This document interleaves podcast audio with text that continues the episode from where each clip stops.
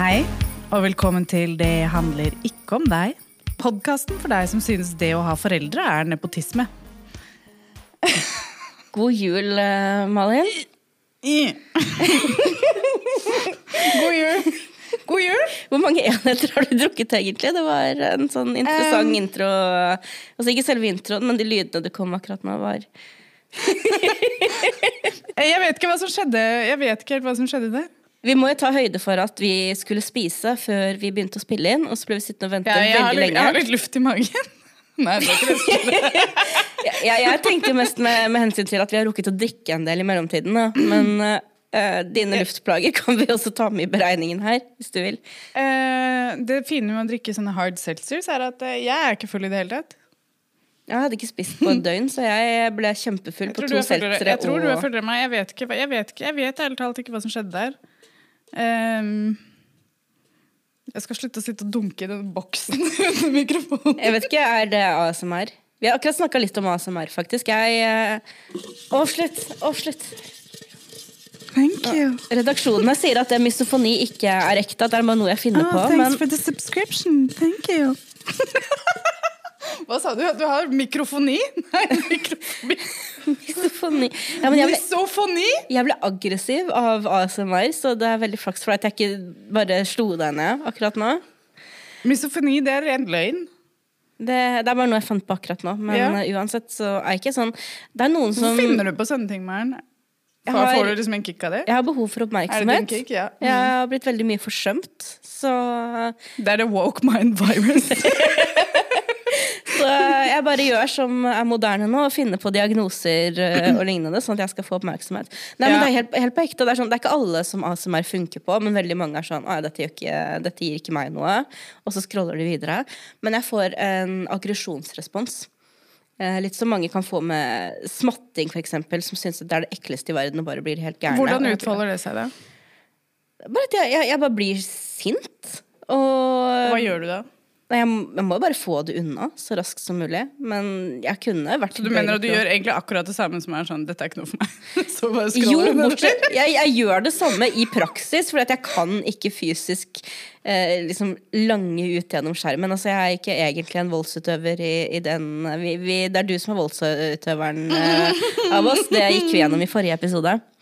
Men eh, ja, nei, men jeg får en skikkelig sinnerespons av å høre ASMR. All den knitringen og de neglene som skraper, og hvisking spesielt.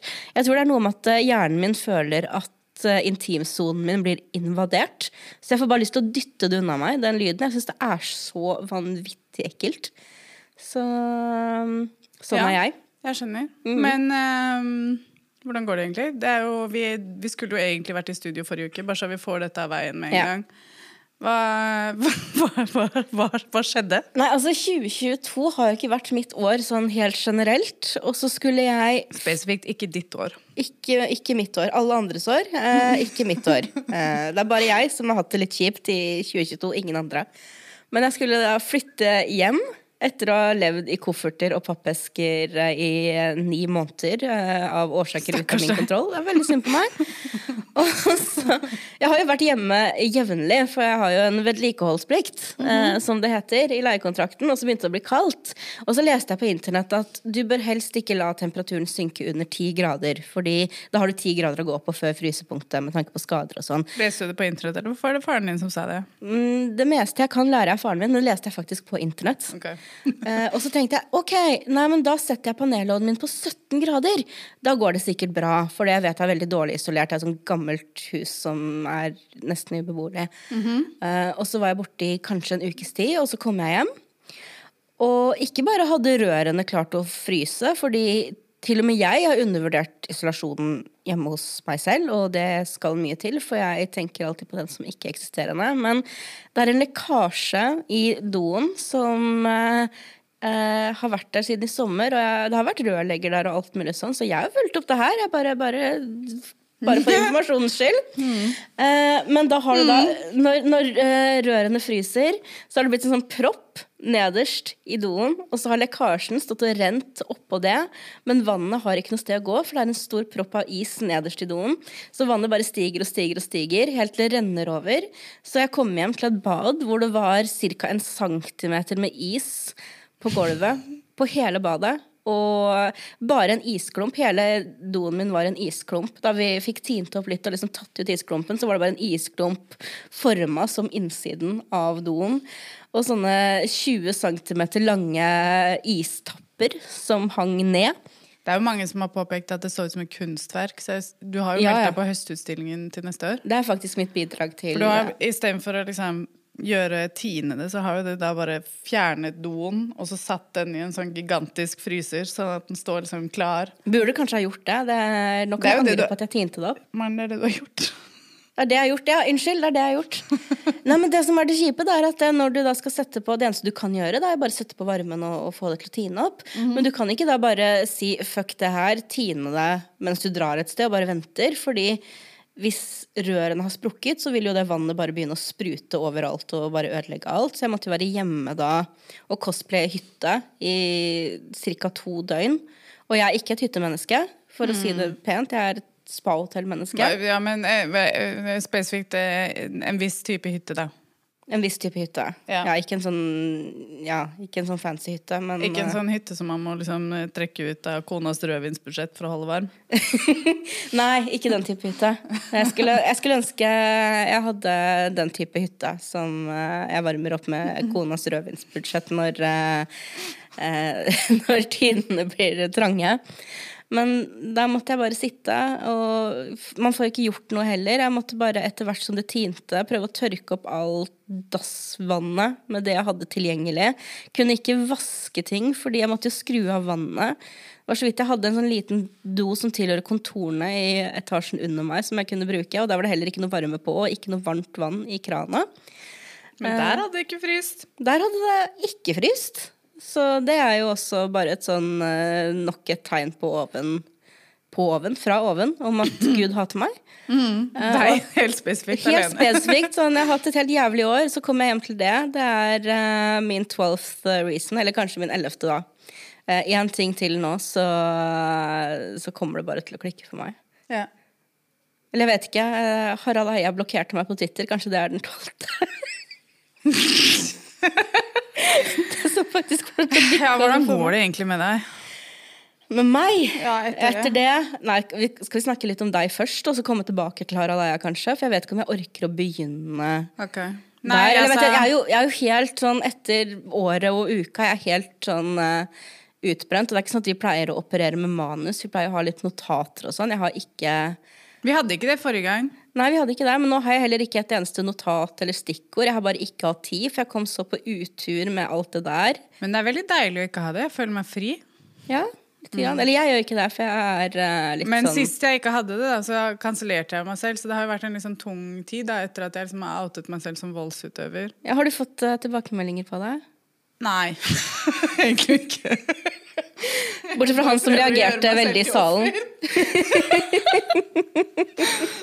Ah, Jeg må prøve å si at jeg også har hatt det vanskelig i det siste, men jeg har Nei, altså, det har, altså, det har vært et par ting, men Men, men det går Men badet ditt har ikke vært frossent, så da Nei, nei, jeg har egentlig hatt det ganske greit. Jeg er sammenlignet med deg, som har liksom måttet skjære ut doen av badet ditt og sette i en sånn gigantisk fryser for å ta vare på den til utstilling. Ja. For det var det hun gjorde, ikke når hun sa at hun liksom Hun, hun Nei, jeg- sier bare for huseierens skyld at, Ja, at jeg har tint at opp hun har sånn, tint opp, har opp, at alt gikk bra og sånn, men egentlig så har hun bare skåret ut den skulpturen.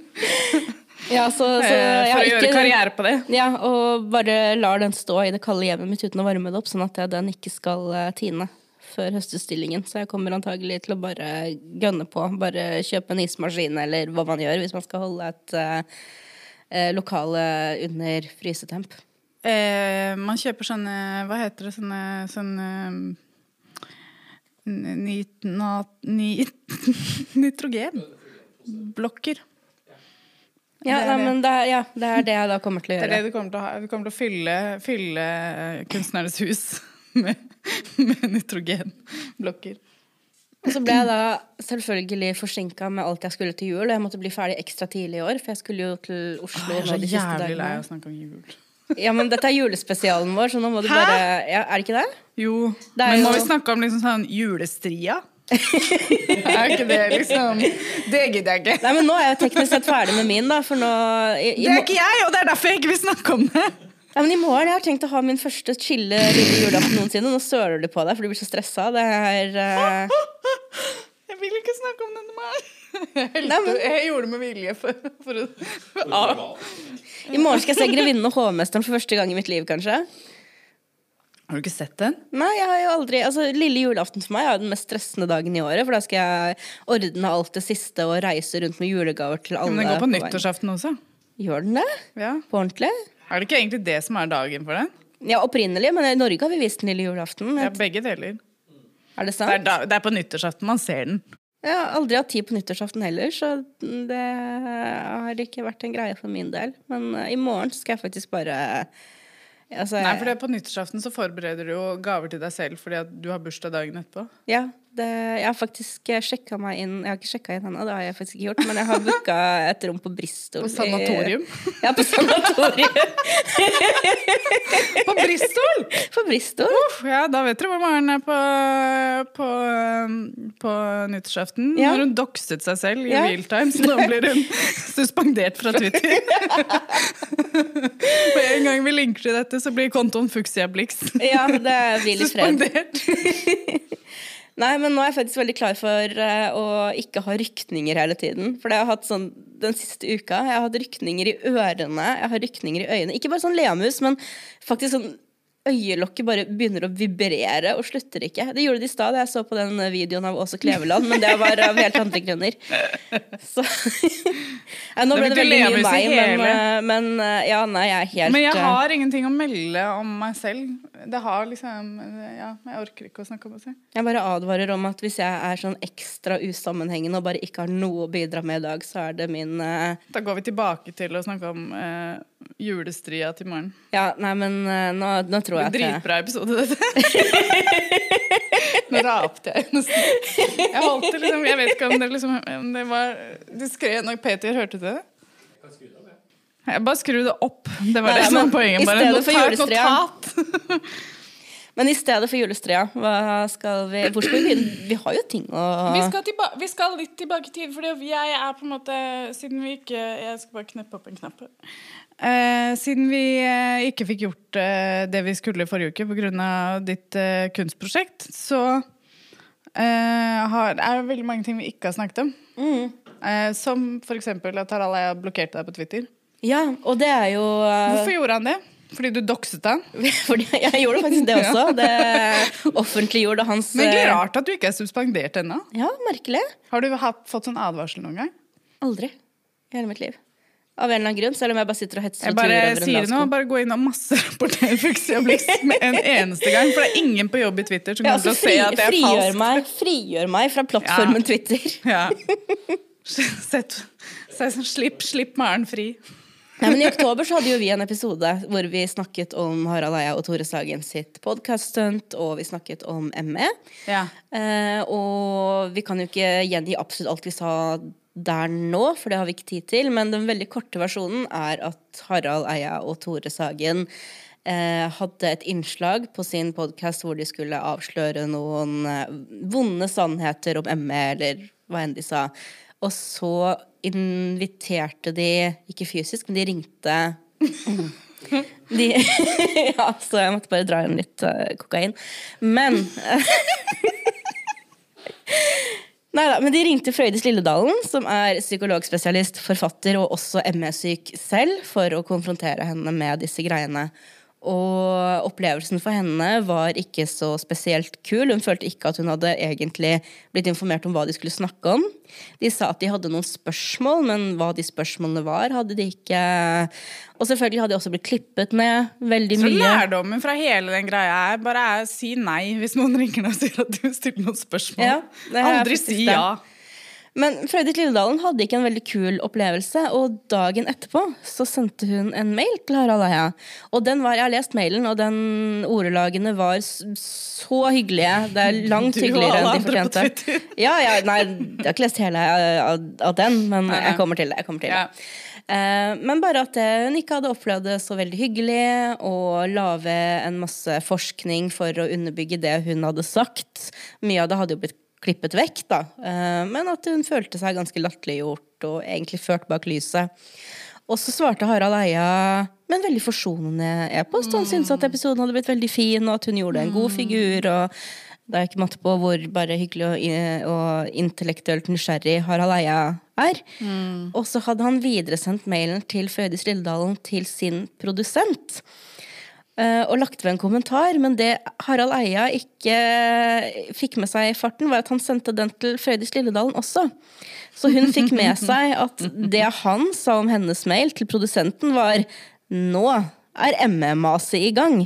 Det er jo akkurat som hele opplevelsen var å bli intervjuet og høre denne podkasten. Det er litt eh, akkurat samme vibes, liksom. Hun, sier- han sier noe til henne, og noe helt annet til alle andre. Ja, alle vet jo altså Ingen er overraska over det, men, men det er jo bare det å faktisk kunne ha en liten bekreftelse på Janus trynet til eh, Harald Eie. Og hva gjorde du da, Maren, når du fikk denne mailen i hende? Eh, først så hentet jeg inn samtykke, som man må gjøre. Husk, husk det, både i jula og ellers, eh, folkens, at eh, du må ha samtykke. Og så publiserte jeg den på nettstedet mitt, twitter.com. Som Ja, det har i hvert fall vært mitt inntil nylig. Og det, Vox Populi, Vox Dei. og det ble nok litt mye for eh, Harald Eia. Han, han blokkerte jo folk over en lav sko. Noe av det var bare at han ble, han ble kalt en fjott eller noe, og det ble litt for intenst for uh, ham. Men også det at jeg publiserte den, tror jeg, for han blokkerte meg i alle fall. Og så omtalte han Twitter som en fest, og at når han er på fest og han snakker med noen som sier noe som gjør han sur eller lei seg, så slutter han å snakke med dem. Og, og derfor så gjør han det samme på Twitter og For han orket ikke å ha sånne lavnivå samtaler, var det vel? Ja, det, det orker han faktisk ikke. Nei. Og jeg er en forkjemper for blokkering. Hvis Ja. det, du vil kuratere din egen opplevelse, så er det fint. Men det Men ikke snitch på deg selv, da. Ikke snitch på Ikke, deg selv. for du hadde ikke tagget han. Nei, men det var noen som hadde snitch-tagget ham. Ja, ok. Så, for jeg, jeg regner egentlig med at han ikke kom til å ha noe eh, konstruktivt eller interessant å si, så jeg, jeg gadd ikke å tagge ham selv. Nei. Um, Nei, altså jeg er også altså jeg er forkjemper av blokke, for blokkering, liksom. Men, eh, men det er noe litt sånn svakt i det å, å liksom gå inn og blokkere noen som ikke har oppsøkt deg, egentlig, på en måte. Eller Ja, altså, sånn, ikke sånn direkte, liksom. Jeg kan på en måte forstå altså Jeg syns ikke det er så veldig injurierende, i alle fall ikke gitt Harald Eias historie i eh, norsk avslører, offentlighet. men han avslører at det fikk han til å føle noe. Og han Ja. føler jo ingenting. Han føler jo ingenting. Også Han er jo helt rasjonell. Å bli kalt en fjott, eh, det er jo veldig, veldig sånn lavterskel. Men jeg kan ikke skjønne det. Kanskje er han ble såret av at du sa at han har gått NRK Ytringsskolen. Ja, det stemmer jo det. For NRK hadde jo også en eh, NRK Ytring hadde jo en eh, omtalt episode hvor For de det er jo en burn. Det er jo faktisk Det er jo det. Ja, den, Men jeg skrev jo også at eh, det er jo egentlig Harald Eia som har lært meg å mobbe. Ja. Det er eh, Han høster bare det han har sådd, men det er litt det jeg har Du lærte veldig mye av den gangen de trakasserte Finn Kalvik ukentlig. Nei, men det Og er, siden har du ikke vært den samme, si. jeg skal også bli mobber når jeg, bli, når jeg blir stor, tenkte jeg. Ja. Nei, men jeg tror det er en sånn litt sånn rar greie i, i den demokratiseringen som internett har med seg. At jo da, på, på sent 90-tall og tidlig 2000-tall, da Åpen post og Ut i vår hage og alt det der var på toppen, så fantes jo internett, men ikke alle brukte det på samme måte. Så da de fikk klager, hvis Harald og jeg viste skrukken, eller de mobba Finn Kalvik, eller Så sånne måtte det liksom filtreres gjennom en journalist. ja, det kom via Ja. NRK, og så er det terskelen for å ringe inn en klage til NRK er ganske høy. Så du får det, det du får av negativ feedback, altså det er på en måte fra du har en vollgrav og et brystvern mellom deg og kritikerne. Hvor du kanskje selv føler at du er modig som tør å gjøre og si disse tingene og utfordre status quo og Status quo. Status quo? Status quo. Ja, skal, jeg, skal jeg Nei, men jeg bruker nå bokstaven Q. Jeg, jeg, jeg, det er en traumerespons pga. bandet Status Quo. Eh, Status quo-anon. Nei, da, men de, de har alltid Jeg tror de har eh, ikke vokst opp med, men de, de lever kanskje i en tro om at det de har gjort som har vært provoserende, har vært veldig modig. Men så har det vært ganske mange buffere mellom dem og kritikerne på en måte som det ikke er nå. Og når de da får den kritikken ganske direkte, for nå kan folk faktisk gi dem den kritikken ganske direkte. Da, det, da er det en mobb, og da er det heksejakt, og da er det veldig grusomt. Det er veldig veikt og feigt og patetisk og ynkelig. Dette er personkarakteristikker eh, jeg nå retter eh, egentlig ikke bare direkte mot Harald Eia, det er egentlig alle som Det er veldig mange som er i samme båt der. Eh, mener i alle fall jeg. Men det ble, i alle fall, det ble nok for mye. Veldig mange. Si alle. Nevn navn. Ok? Absolutt. Ikke gjem deg bak mange. Veldig mange. Hæ? Sa samtlige komikere Brenn ord! og Nevn navn! Kom igjen. Det er julespesial. Espen Goffeng.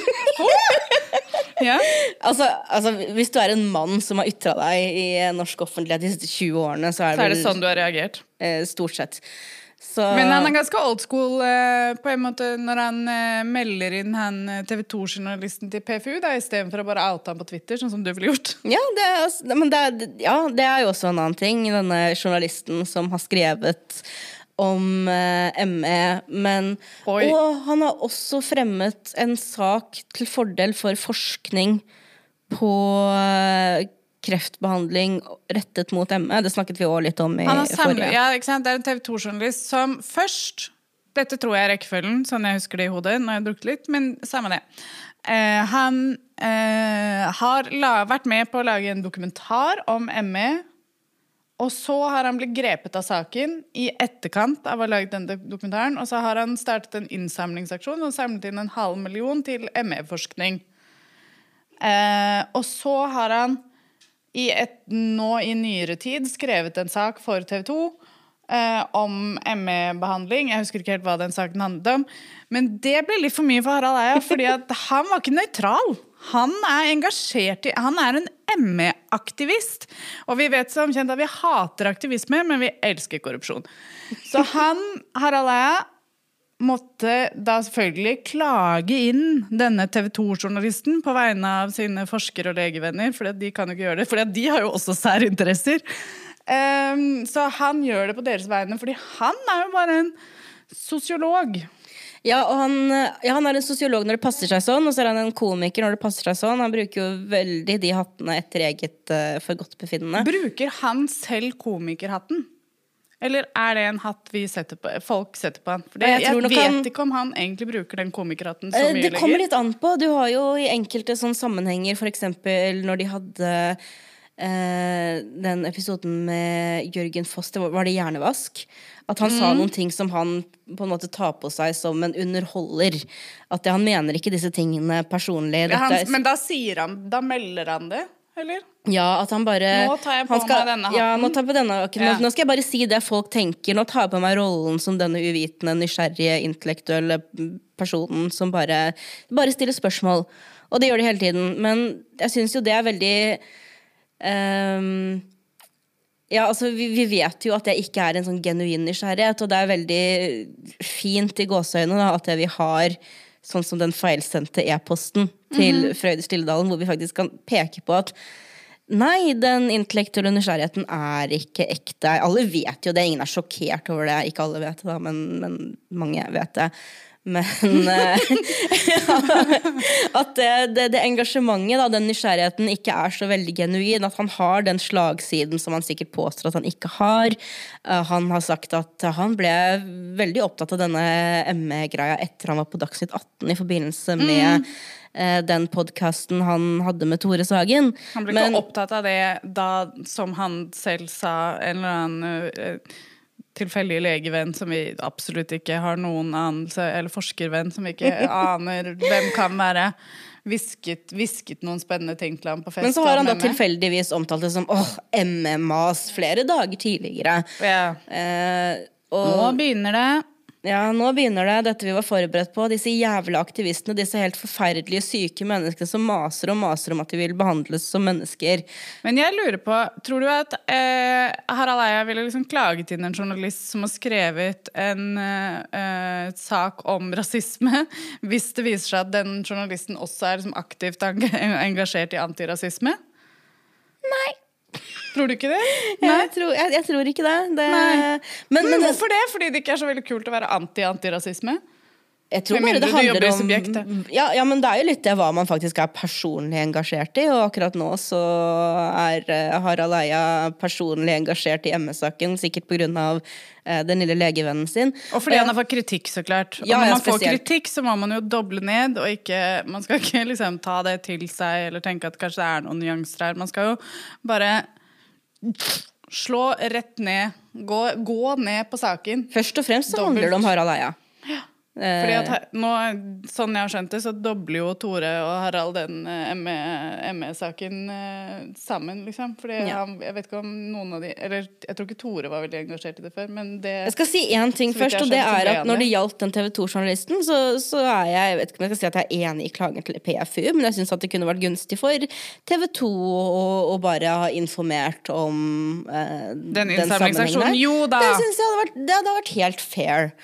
Eh, jeg syns også det er helt fair, men jeg syns også det er på en måte Altså, ja, det kunne vært nevnt på en eller annen måte, men det er også liksom basert på en sånn derre jævlig irriterende idé som vi har snakket om mange ganger, som er denne at pressen og journalister må være helt nøytrale og ikke ha følelser og ikke bry seg om noen ting. De skal bare rapportere helt nøytralt, for det er den eneste måten mediene og nyhetene kan være sanne og rettferdige. Da er det jo fint at vi har uh, AI på vei uh, Ja. opp, da. For det en, eh, en kunstig intelligens kan jo Ja, vi, sikkert jo, skrive vi trenger jo ikke ekte mennesker hvis, hvis vi skal bare være helt nøytrale. Nei, nei, vi trenger kunstig intelligens til å utføre journalistikk, sånn at vi vet at den er 100% ubeveget av uh, følelser og kontekst og noen som helst rettferdighetssans.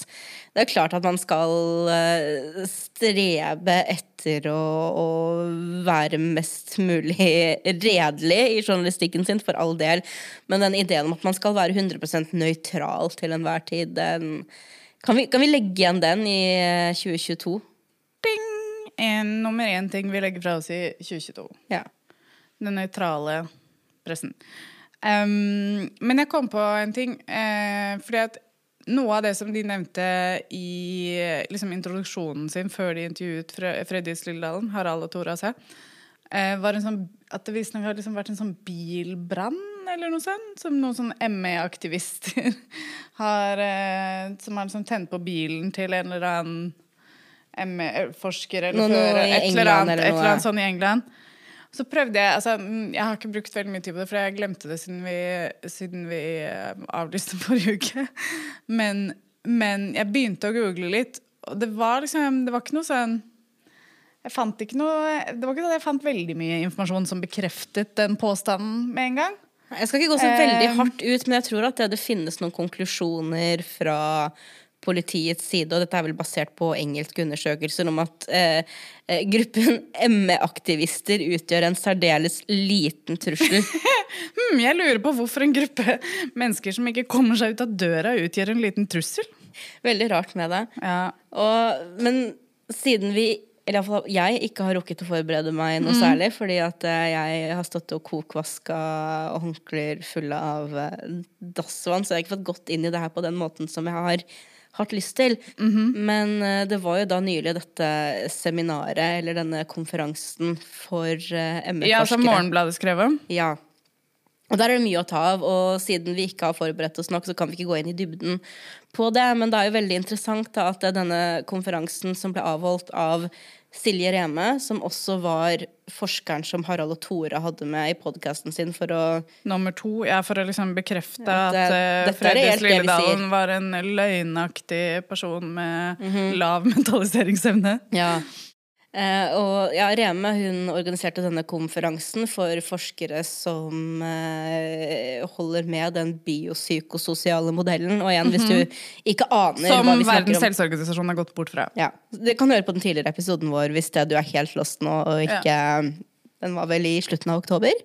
Ja. Så Og, og Morgenbladet skrev om det med overskriften 'De måtte ha Nei, seminar for ME-forskere krevde vakthold og poli politiberedskap. De forsøker å ta oss. Eh, nå har ikke vi gjort denne researchen selv, men Nina Steinkopf, som eh, eh, Harald og Silje Reme og alle sikkert vil avfeie fordi hun er en ME-aktivist, eh, hun gjorde en del research da, eh, og har kontaktet ulike politiinstanser for å høre om det faktisk De har faktisk har vært i kontakt, og hvilke instanser. Og, Hva ligger i disse trusselvurderingene som ja, hva, eh, hva betyr dette egentlig? Og ikke fått noen svar, egentlig. Bortsett fra de som sier at de ikke har hørt noe om det i det hele tatt. At, Ja. eh, og det, jeg, altså jeg skal ikke utelukke at det er en eller annen sentralbordperson hos politiet som har sagt til eh, enten Silje Reme eller noen at eh, ja, ja, dere får ringe oss, og vi kan være i bred. Så jeg vet ikke, men det, det virker jo som at det trusselbildet da, som eh, tilhengerne av den biopsykososiale modellen prøver å male når det gjelder såkalte ME-aktivister, kanskje Det virker som at de kanskje har en sånn biopsykososial tilnærming til trusler også.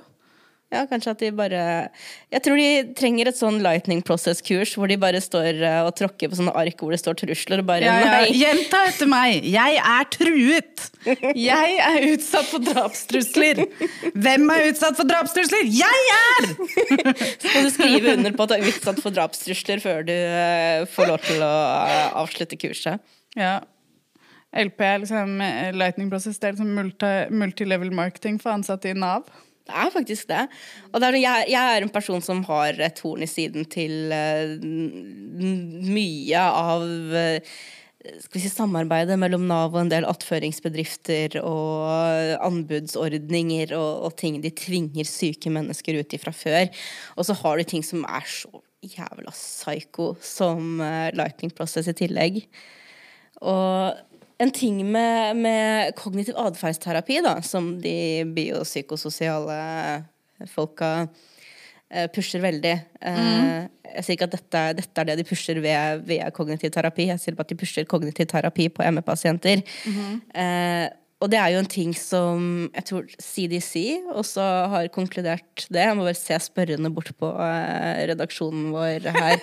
Men at det, eh, kognitiv atferdsterapi for kronisk syke generelt kan være en god ting. Men utover det så anbefaler ikke de det spesifikt for ME-syke, men det er noe med å skulle håndtere en kronisk sykdom og et eh, enormt tap av livskvalitet, hvor terapi kan hjelpe alle som er kronisk syke, da. Men det er jo ikke det veldig mange av de her kjemper for. Det finnes jo de som, som hva skal jeg si, er på siden til de såkalte ME-aktivistene, altså forskere som er på siden til det, og som også er forkjempere for at kognitiv atferdsterapi kan være en del av pakka, da, bare for å Ja, hvis lære du tåler det. ja, hvis du tåler det, at det kan være en del av pakka for å, å, å lære å håndtere hvordan livet ditt kan bli og være. Jeg kjenner jo også mennesker som har fått ME i ganske ung alder, som bare har, har trengt terapi for å sørge over den personen som de ikke har fått lov til å bli eh, på grunn av den sykdommen. Så det er ikke nødvendigvis det at man avfeier eh, psykologi og psykiatri i, overhodet i det sykdomsbildet, men at det er jo ingen behandling mot ME, slik som eh, enkelte kanskje vil ha det til, da, eller som forskningen peker veldig mot at det er. Ja. Men vi kommer sikkert til å komme tilbake til alt det her på et tidspunkt hvor ingen av oss har hatt frosne bad og Frosne hjerner. frosne hjerner og uh, Ja, men uh, jeg, jeg tenkte at uh, det var verdt å nevne, i alle fall. For det, har, det, det skjer og har skjedd mye på det området her. Både i større sammenheng og også bare sånn akkurat direkte knytta opp til de norske forskerne, sånn som Reme og også LP og Live Landmark og Harald Eia og Men en positiv eh, ting som har skjedd, som vi ikke har nevnt, tror jeg, er at rett etter at vi spilte inn den episoden om ME, så kom det jo en forskningsrapport som bekreftet eh, at ME-pasienter er blant de som blir behandlet dårligst Yes. i eh, systemet. Studien har ikke kommet ennå. Den kommer først i begynnelsen, eller iallfall første kvartal av 2023. Eh, men eh, mange Var det bare en teaser? Det var en teaser. Det er, okay. er det Fafo som eh, Jeg sikker på at det er Fafo og Det husker jeg ikke på stående fot. Eh, men at den kommer til å komme i sin helhet uh, i løpet av begynnelsen av 2023. Og det kan jo også bli veldig interessant. Og den, den uh, forholder seg kanskje ikke til behandling av ME i og for seg, men hvordan ME-pasienter som pasientgruppe faktisk blir veldig grovt forsømt i helsevesenet, da. Eh, noe Silje Rema dem sikkert bare vil kalle et gigantisk offerkompleks og eh, Perceived injustice. perceived injustice. Ja, for hun delte vel en, en studie av perce eh, om, om perceived injustice, hvor folk som føler de ikke får tilstrekkelig helsehjelp, rett og slett bare De føler at de har det vondere fysisk de, de føler at de har det vondere fysisk på grunn ja, altså Jeg Ja, altså ikke det er akademisk gaslighting. Ja, de føler at de har det vondere fysisk enn de faktisk har fordi de føler at de blir urettferdig behandlet. Og det var den sterke korrelasjonen mellom, basert på eh, data som de har krysset ut fra skjemaet. Konklusjonen er i alle fall at det pasientene tar veldig feil av sin egen opplevelse og må høre på Og de som vil ha dem tilbake i arbeid, de har rett. De har- For det er jo veldig viktig med den arbeidslinja. Arbeidslinja er faktisk eh, det viktigste vi har For det er der. For hvis du ikke kan arbeide og, og bidra Hvis du bare får fra velferdsstaten og ikke gir, så er du ikke verdt en dritt. Nei, da er du en minusborger. Da er du en snylter. Ja. En kakerlakk. Ja. Og, og, og bare stadfeste det, det er bare å være litt intellektuelt nysgjerrig og bare stille noen spørsmål. Nei, for det viktigste fokuset til enhver tid er hvordan vi kan komme oss i arbeid. Ja. Da legger vi den død. Da legger vi den død. Eh, ellers så er det jo også veldig viktig å fokusere på hvordan eh, pressen mister hodet i møte med overgrepssaker, da, som Anki Gerhardsen eh, skrev om Ja. i forbindelse med Hilde Rød Larsen sin sak. Apropos den nøytrale pressen. Ja. Jeg så Åsa Lindeborg var jo også ute og snakket om det, og da spesielt i forbindelse med metoo, og hvordan pressen bare hadde gått helt av skaftet og bare heksejakta og la fra seg alle prinsipper den ellers ville hatt, og uh, at det bare er fullstendig hodeløst, hele greia. Og er det en ting vi vet, så er det at uh, overgrepsofre som står frem, de får bare me god medfart i Ja. pressen. Det, det er kjempegøy for dem. De blir ikke Det mistrodd veldig gøy. i Jeg skulle, jeg skulle ønske jeg hadde stått frem som overgrepsoffer Ja, i pressen. absolutt. Det er bare. Navngitt, navngitt overgriper, det, Ja, det er faktisk min drøm. Jeg tror det er på en måte neste steg på min karrierestige. ja, spesielt hvis det er en mektig person. For det, jeg, har, jeg har jo faktisk lest i mange kommentarfelt at det er sånn man får oppmerksomhet og kommer seg frem nå. Det er ved Ja. å tråkke på og ødelegge karrieren til uh, menn. Ja. Uh, så, så, så vi ser jo det. Vi ser jo ikke bare i forbindelse med seksuell trakassering, vi ser jo hvor utrolig bra det har gått med Sumaya, Sumaya Ali etter Ja. eh, Atle Antonsen. eh, Selv i Saken? tilfeller der, der eh, nevnte, nevnte eh, trakassør innrømmer sine egne feil, Ja, ja, så går det jo jo Ja, kjempebra. For, eh, Ja, for offeret. Men det er en ting, jeg husker ikke nå som på stående fot, siden den siste måneden bare har vært en tåke, men om vi fikk snakket noe om det med ordet offer på, eh, på livepoden. Fordi Og da kommer vi tilbake til den saken med Så vidt lite Ja, grann. ja. Fordi eh, vi skal Jo, vi var innom det. ja, for Anki Gerhardsen hun etterlyser jo da den nøytrale pressen. Hun var veldig kritisk til hvordan pressen har dekka saken om eh, psykiateren som har utnyttet eh, syke eh, yngre kvinner. Eh, Hilde Røe Larsen skrev. Jeg tror det vi sa forrige gang, var at vi aner ikke hvem det kan være. Nei, Hvem kan det være? Ja. Men det, også, men det er en ting som Anki Gerhardsen også trekker frem da, i den kronikken sin. For at alle vet jo hvem dette er basert på beskrivelsene, og så sitter han der og kan ikke forsvare seg. Eller han har jo fått tilsvarsrett, selvfølgelig. Men jeg tror ikke man skal overvurdere hvor mange som egentlig vet hvem det er. Og det er jo også en ting med eh, det offentlige Norge, altså skravleklassen. Ja, ja, ja. Eh, Jeg hater når folk kaller det jeg, jeg Hvor mange, hvor mange er det i skravleklassen, egentlig? Er vi en del av skravleklassen? Vi er det. Er det, Eh, vi vet hvem disse menneskene er, men det er så få. Og for noen som meg, som bare kommer fra utenfra det, det er en så liten sirkel, altså, men den er så selvopptatt, og den eksternaliserer sin Mm. egen opplevelse og, og, og sin egen verdensoppfatning så grovt utover samfunnet ellers. Eh, de aller fleste mennesker i Norge, hvis de fikk høre navnet på denne psykiateren, de ville ikke ant hvem det var snakk om i det hele tatt. Eh, så, men det er klart det er en, en sirkel, sånn spesielt i, i Oslo-området, som, som forstår hvem det er, selvfølgelig. Men jeg så jo at det er veldig mange av støtteerklæringene til eh, Anki Gerhardsen i den teksten. Det var jo eh, Det var ikke jeg som gjorde den researchen her selv. Det skal en av våre advokater ha eh, æren for. Men det var jo stort sett da folk i disse sirklene som Flott artikkel, Anki! ja, alle- Stå på! Ja, stå på. Viktig og riktig. Dette er sterkt, og her må vi stå. Godt på- på- argumentert. Ja. Og hva hadde disse menneskene til felles? Å, de hadde psykiateren på vennelisten sin. Åh. Ja. Med det. Apropos eh, folk som eh, mister hodet. Eh, skal vi snakke om eh, eh, Britney sin fandom? Fordi at de har mistet hodet de siste ukene. Ja, det føler jeg er mer sånn juleavslutning-ting å snakke om. Det, Ja. det syns Ja, jeg nå passer seg. beveger vi oss over i, over i eh, lettere Jeg syns vi fortjener det. Både Ja. vi og lytterne Ja. fortjener å bare ta en liten sånn Vi legger den offentlige debatten bak oss i 2022. Ja. Nei, vi må sikkert komme tilbake Vi til den i kommer tilbake men til en del ting, men vi skal vi, vi snakker litt om vi tar Dette er sånn eh, en bridge. en bridge. En bridge uh, til Britney. Ja. Uh, for Britney uh, Akkurat som Twitter-kontoen til Mohammed Abdi, så har hun hatt mistenkelig aktivitet på sosiale medier.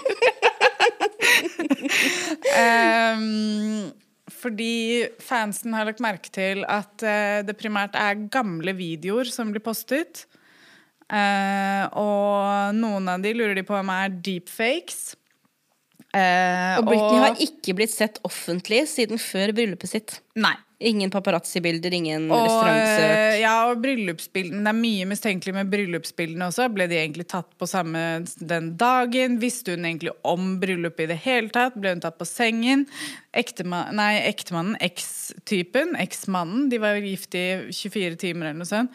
Eh, Jason Alexander brøt seg inn på eiendommen. Ikke han fra Seinfeld. Ikke Jason Alexander fra Seinfeld, nei. Han som ligner litt på faren til han Colorado-skyteren. Dette ble mye. um, han brøt seg liksom inn på eiendommen fordi bryllupet foregikk, foregikk jo hjemme også, noe som også var litt rart. Og det var på en torsdag, og eh, det var tydeligvis et veldig sånn adhoc bryllup. Ingen eh, Paris Hilton måtte jo avlyse på Joe Biden, for hun skulle være DJ i Det hvite hus, eller noe sånt den dagen. Eh, men, eh, men det var visst flere av liksom, de kjendisene som var der, som har snakket liksom, varmt om bryllup i ettertid, som som, um, som måtte avlyse ting for å komme dit. Sånn at det var liksom, åpenbart at det var veldig sånn planlagt i siste liten. Da.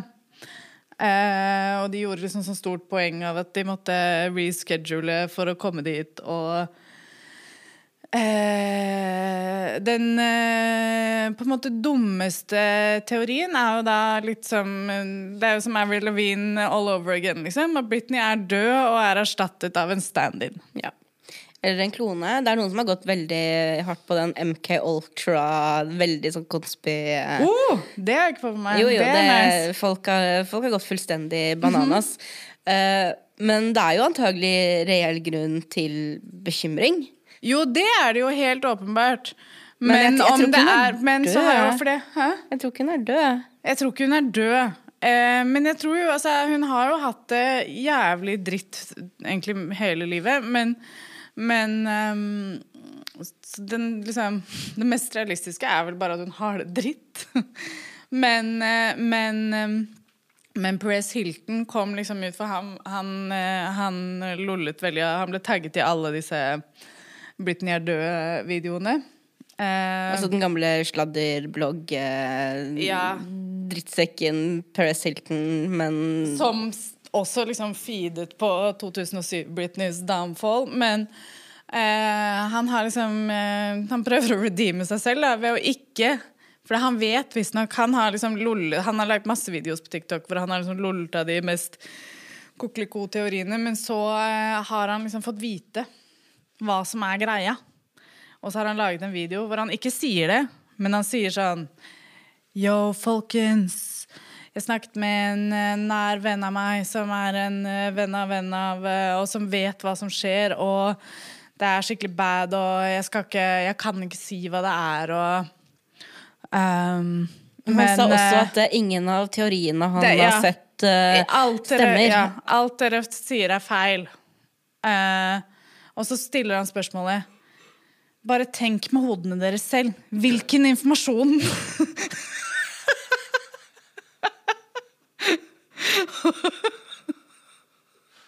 Det var akkurat sånn han sa det, OK?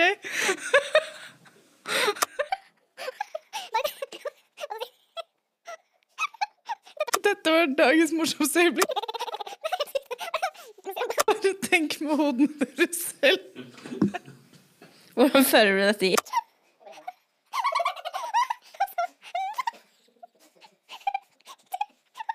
Du på alle fire der borte, Øyvind? Han kaster opp en hårball.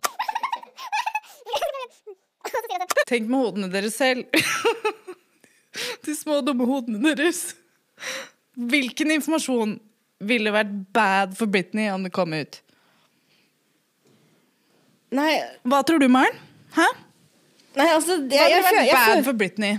jeg føler ikke at han uh, gir noen sånn effektiv eliminasjonsmetode der. Men jeg tenker at sånn Kanskje de mest sannsynlige teoriene er at uh, kanskje det går kjempedårlig med henne mentalt. Kanskje hun uh, er innlagt et sted og de ikke vil at det skal komme ut. Men jeg vet ikke om det ville vært bad for Britney i noen større grad enn en noe tidligere. Nei, det er det også, men det er jo om vi tenker vi, altså, vi må huske på at dette er USA, der, det, der alt er liksom bad, liksom. Eller sånn Og så er det jo en, en teori som også kanskje kan stemme, hvor uh, den nye ektemannen hennes potensielt kanskje kan være alliert med hennes far og alle de som har hatt henne under vergemål tidligere. Ja, og at hun rett og slett bare har stukket av, og folk Ja. ikke helt vet hvor hun er. Nei, at hun er liksom MIA. For det kommer veldig mye sånn Det, det, det er også en ting som folk påpeker. Liksom, at det kommer veldig mye sånn rare posts som ikke henger sammen, og så plutselig blir slettet, eller captions blir Og Ja, støtte til sånn. søsteren hennes som man vet at det hun ikke har et godt Ja, forhold det er rart. Det er veldig, veldig rart. og bilder som ser photoshoppa ut. Eh, veldig Og alle, mye hun har flyttet til et nytt hus, men alle bildene blir postet er fra det gamle. Det har jeg ikke fått med meg, men det Ja, kan det, er, også det er liksom en av tingene. Og en uh, middag på Nobu som ektemannen uh, visstnok hadde arrangert for henne på bursdagen hennes, men det har ikke vært noen Britney på Nobu uh, verken da eller på noen annen dato. Det Nei, jo nå har de skrudd av kommentarene. ja, så det er veldig mye usammenhengende, og det er ingen som egentlig helt vet hva som skjer med Britney, men eh, ja, Jeg så en sånn big brain eh, Britney-fan som sa han, eh, han er veldig interessert i psykiske lidelser. Så han, han bladde opp i liksom sånn, Jeg har vært veldig fan av Britney veldig lenge, og um, som mange av dere kanskje har lagt merke til, så er det noe som er litt sånn rart med Britney. Eh, og så blar han opp i diagnosemanualen. ICD-5, ikke ICD-11. Eh, og så leser han opp eh, hva, hans sin teori, da, som er at Britney har en eh, dissosiativ Er det det samme man sier på norsk? Dissosiativ lidelse. DVS. DVS. For sånn snakker jeg.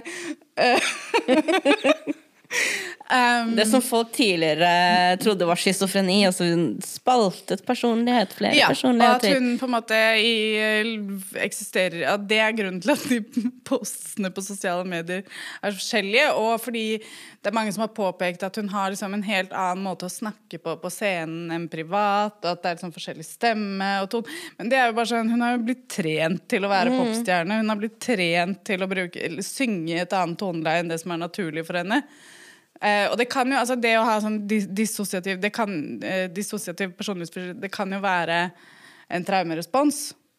Så det er jo ikke helt usannsynlig. Men det er en men- ekstremt sjelden diagnose. ja.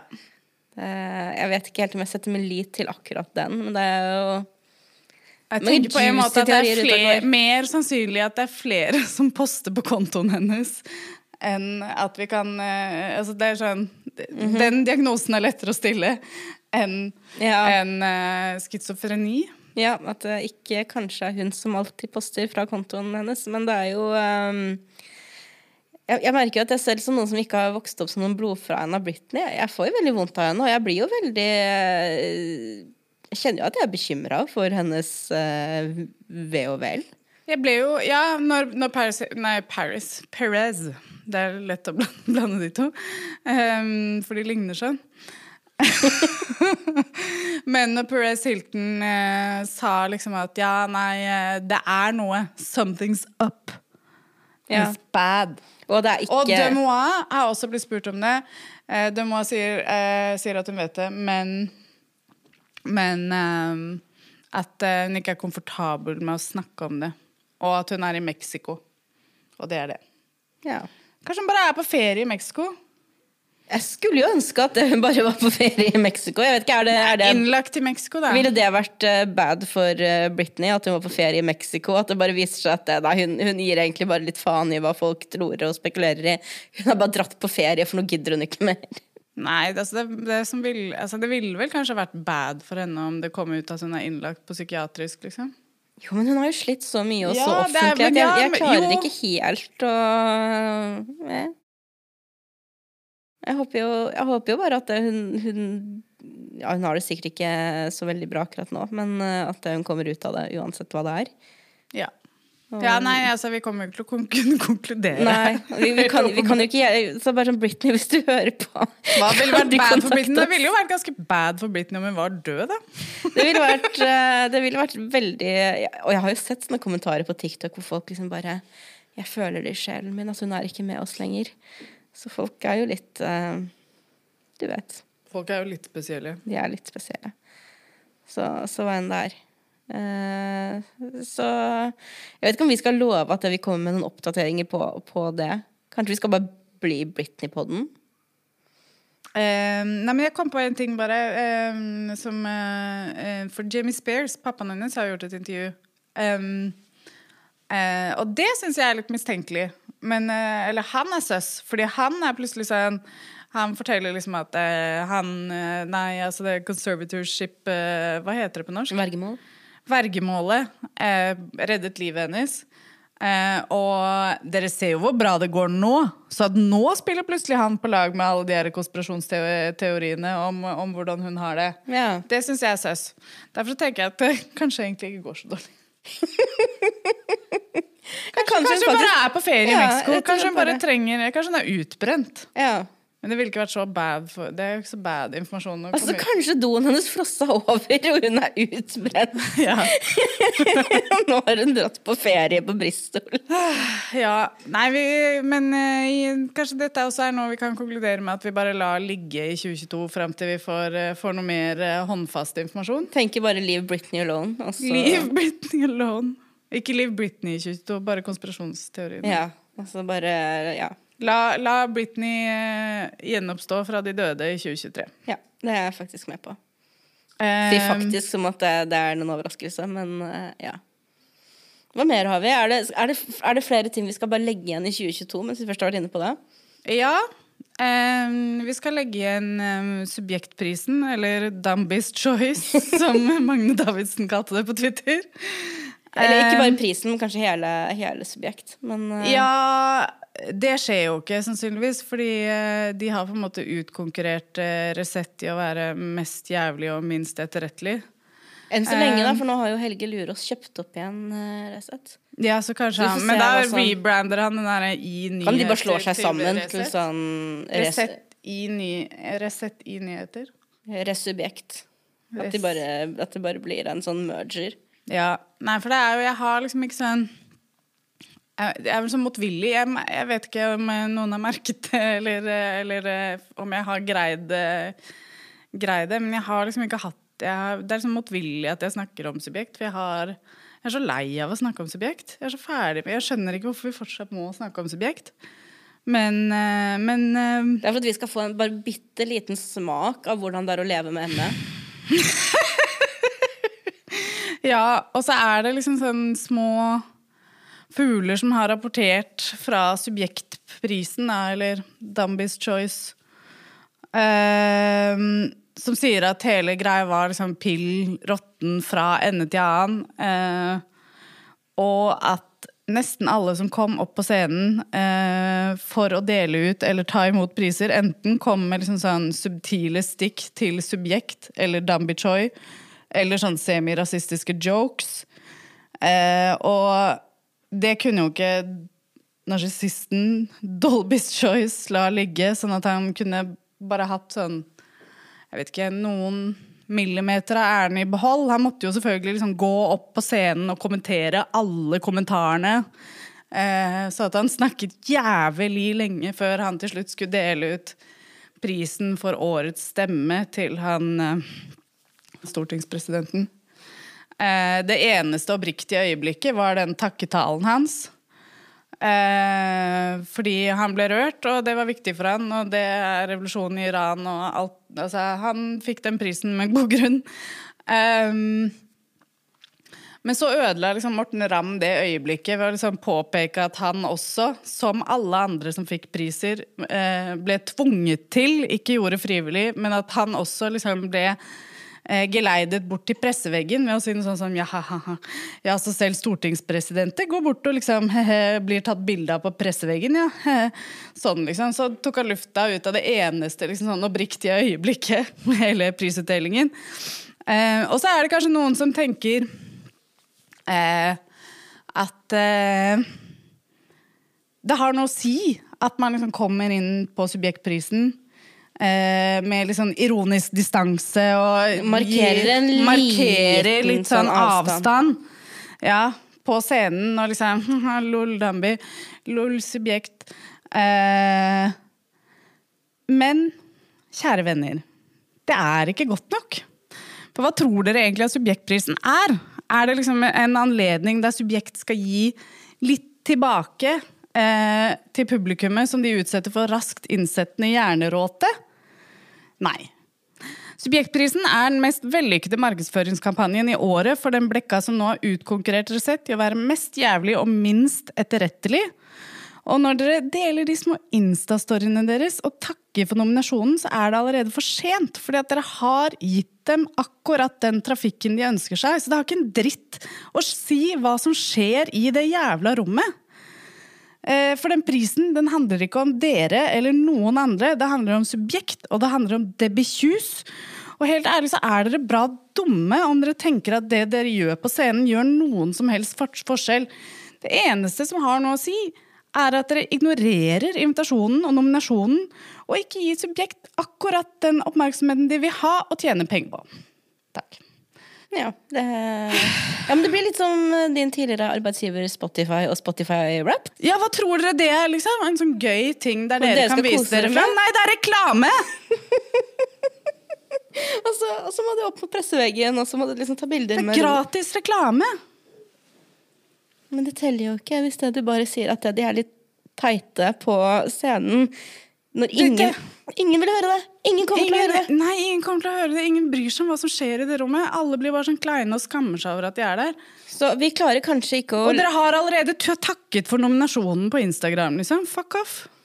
Så hvis vi ikke klarer å legge fra subjekt i 2022, så kan vi i alle fall legge fra oss å legitimere subjekt i 2022. Ja, kan vi være så snill? Kan vi være så snill? For nå er det Nå er dere Resett. Nå er det, det er ikke, vi trenger ikke å si at det er Resett for Westerdals-studenter. Det er bare subjekt. Ja. Og det bør være ille nok. Vi trenger ikke å pakke det inn som noe annet. Nei. Takk. Vi, vi ser jo også det nå Jeg orker ikke, vi snakka om det før vi begynte å spille inn også, at det er enkelte navn som vi ikke egentlig gidder å dra frem i podkasten. Men eh, vi ser jo spesielt f.eks. nå i transdebatten. Kristine Jentoft har et helt umenneskelig press mot seg. Og det er på grunn av veldig spesifikke mennesker Ja. eh, som gis en, en fullstendig hodeløs plattform i blant annet subjekt, og et subjekt og Fox News og deres eh, like. Så det er bare Det er på et punkt nå hvor man kan ikke si at å, ja, de har noen ting som er litt dumme, men de gjør jo egentlig De har jo veldig mye bra kulturelt stoff. Nei, mm. bare slutt! Bare slutt! Det er nok nå!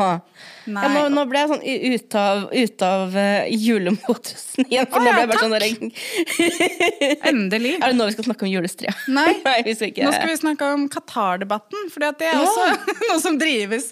Eh, eller må som, eh, jeg ble, jeg ble alt før faktisk- nyttår. Ja, jeg ble inspirert. Ja, den skal også ligge igjen. Denne debatten som har oppstått på en måte i etterkant av debatten om eh, at fotball-VM i Qatar er problematisk. For det er liksom under der igjen så er det selvfølgelig noen av de som er liksom mest anti-aktivisme og alt som er woke, de har på en måte startet sin egen sånn der vri. Og det har vært ganske spennende å se hvordan de som til vanlig er veldig islamofobe, nå plutselig står først i køen for å forsvare et autoritært regime når det plutselig er politisk korrekt å kritisere det.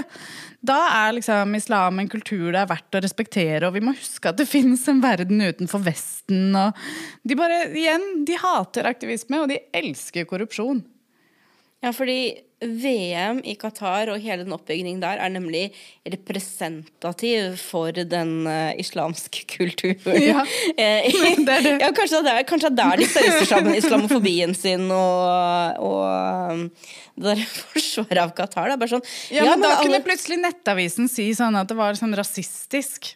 ja, Den woke-kulturen er rasistisk når vi kritiserer Qatar. Bare se på disse sitatene som vi definitivt uh, har funnet på ekte, men som bare tilfeldigvis ikke kan fortelle dere nøyaktig hvor kommer fra. Men vi sverger at de er ekte, at dette er ting som har blitt skrevet og sagt. Plutselig er og så blodtørstige dere er som vil vite hvor dette komplett fabrikkerte sitatet kommer fra. uh, vi kan ikke, uh, fordi at uh, han som skrev det, slettet det igjen. Men det er jo ja, Hvordan føles det for oss i woke-mobben å, nesten ha overtatt islam som uh, nettavisen og liksom den ytre høyresidens uh, største fiende?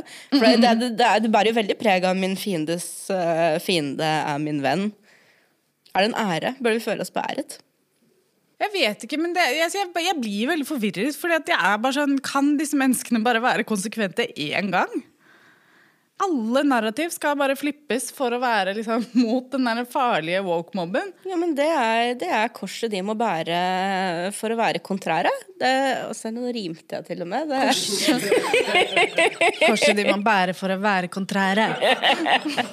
ok, vent da, vent da. Nå prøver vi. har jeg bra nok bars til at jeg kan bli den nye ektemannen nå, Malin?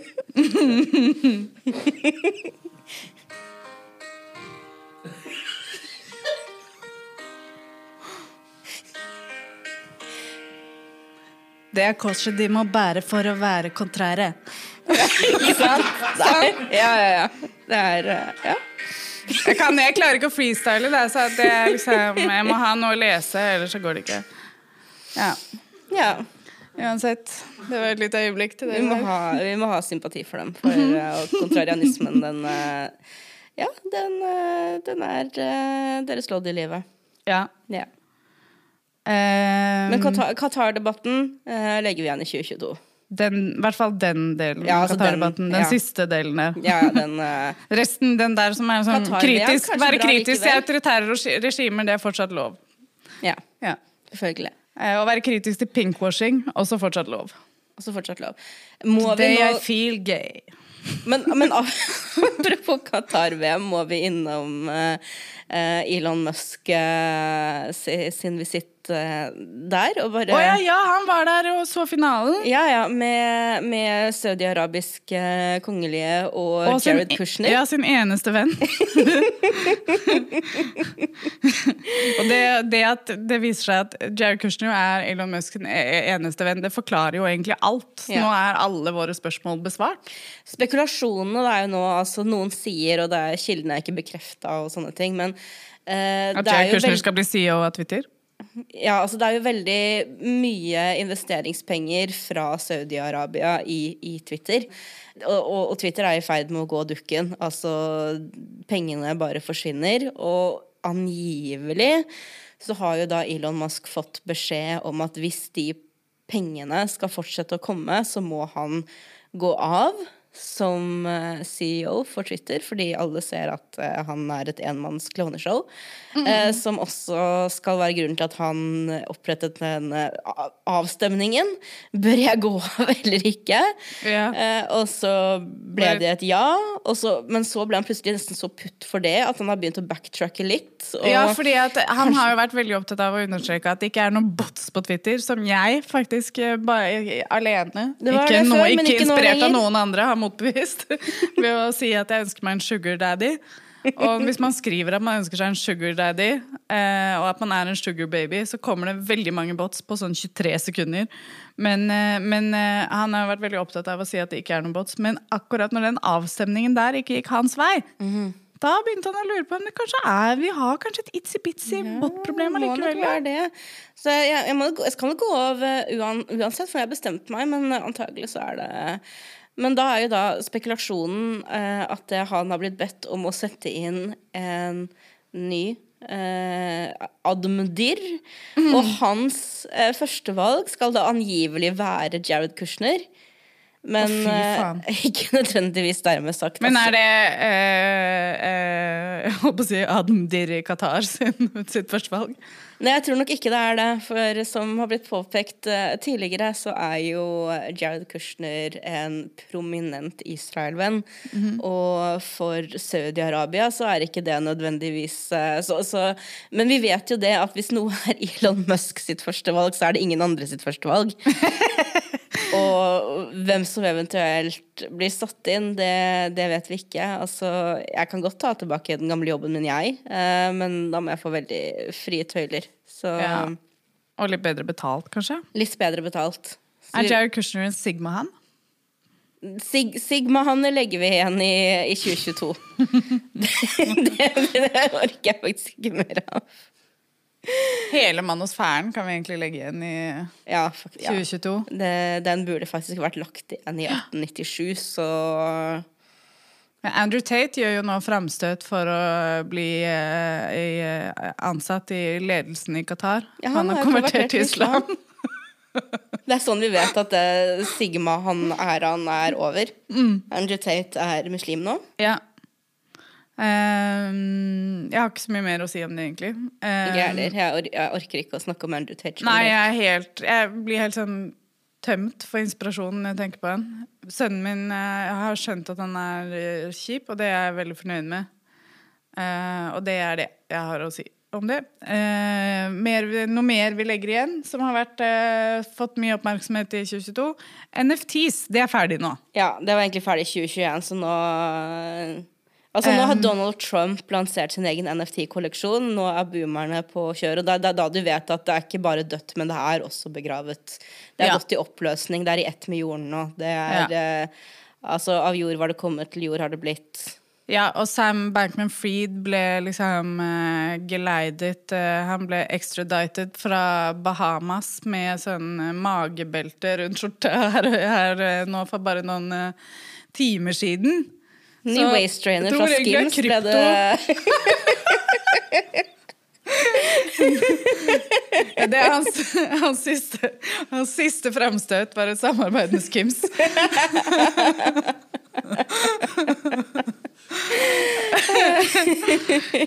um, så krypto generelt er vel em, eh, ferdig, tror jeg egentlig. Fordi at nå, altså det jeg, Sånn jeg på en måte har skjønt det, så er det sånn krypto eh, krypto eksisterer i sin lille sfære fortsatt og gjør det sikkert en stund til, men så kommer vi jo bare til å digitalisere all valuta sånn på sikt.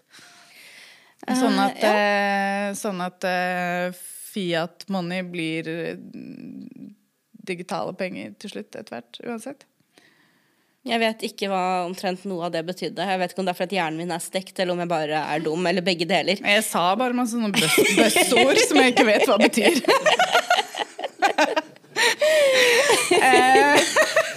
Pedosverting av den skeive bevegelsen legger vi igjen i 2022, for det har vært veldig på opptur eh, ganske lenge nå. Ja. Eh, og alle vet, bare sånn, vi bare får sagt det en gang for alle, at den pedosvertingen er noe som har på en måte oppstått som et dekke for de faktiske pedofile lederne i det katolske samfunnet. Så eh, bare, bare, la oss, bare, la, oss, bare ha, la oss ha det sagt en gang for alle. Hvis det er noen som var i tvil eller ikke visste det, om at, at liksom denne, all denne pedosvertingen har oppstått som liksom en sånn avledningsmanøver fra den katolske kirke. Det er sannheten. Look it up! Det er veien, sannheten og livet. Veien, sannheten og livet. Um, apropos den katolske kirke. Girlbosser legger vi igjen i 2022.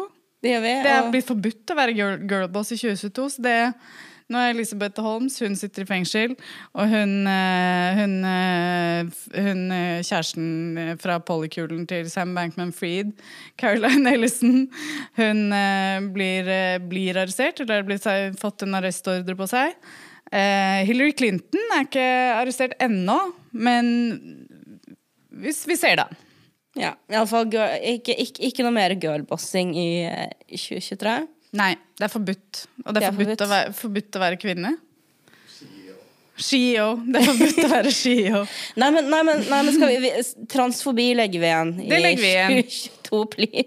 Og eh, vi kan liksom bare glemme den debatten om behandling av mindreårige transpersoner. For la oss heller bare diskutere hvor mye hormoner vi pumper inn i barn med diabetes. Har du tenkt på det? Det er irreversibel Ja, ja, det er behandling. greit. De skal vi pumpe fulle av hormoner Ja. hele tiden. Ja, Men folk er bare sånn sykelig opphengt i et par små kids som får liksom bli kjønnslemlestet. Ja, og samtidig masse masse insulin over en lav sko til Ja. barn med diabetes. Og hva skjer med barn med diabetes? Nei, de dør. Absolutt alle. Alle. Vis meg ett barn med diabetes som har overlevd. Altså, det er noen som lever nå, men de kommer til å dø, de også. Ja. Altså, Vi bare stiller spørsmål, og så kan uh, dere tenke litt Ja. over det. Uh, Tenk, tenk over over det. Tenk over det. Og så ses vi på Hva er det vi propper de barna med? Mm. Snakkes. Godt nyttår. God jul først. God jul og så godt nyttår. Ja. Ha det. Ha det. It was just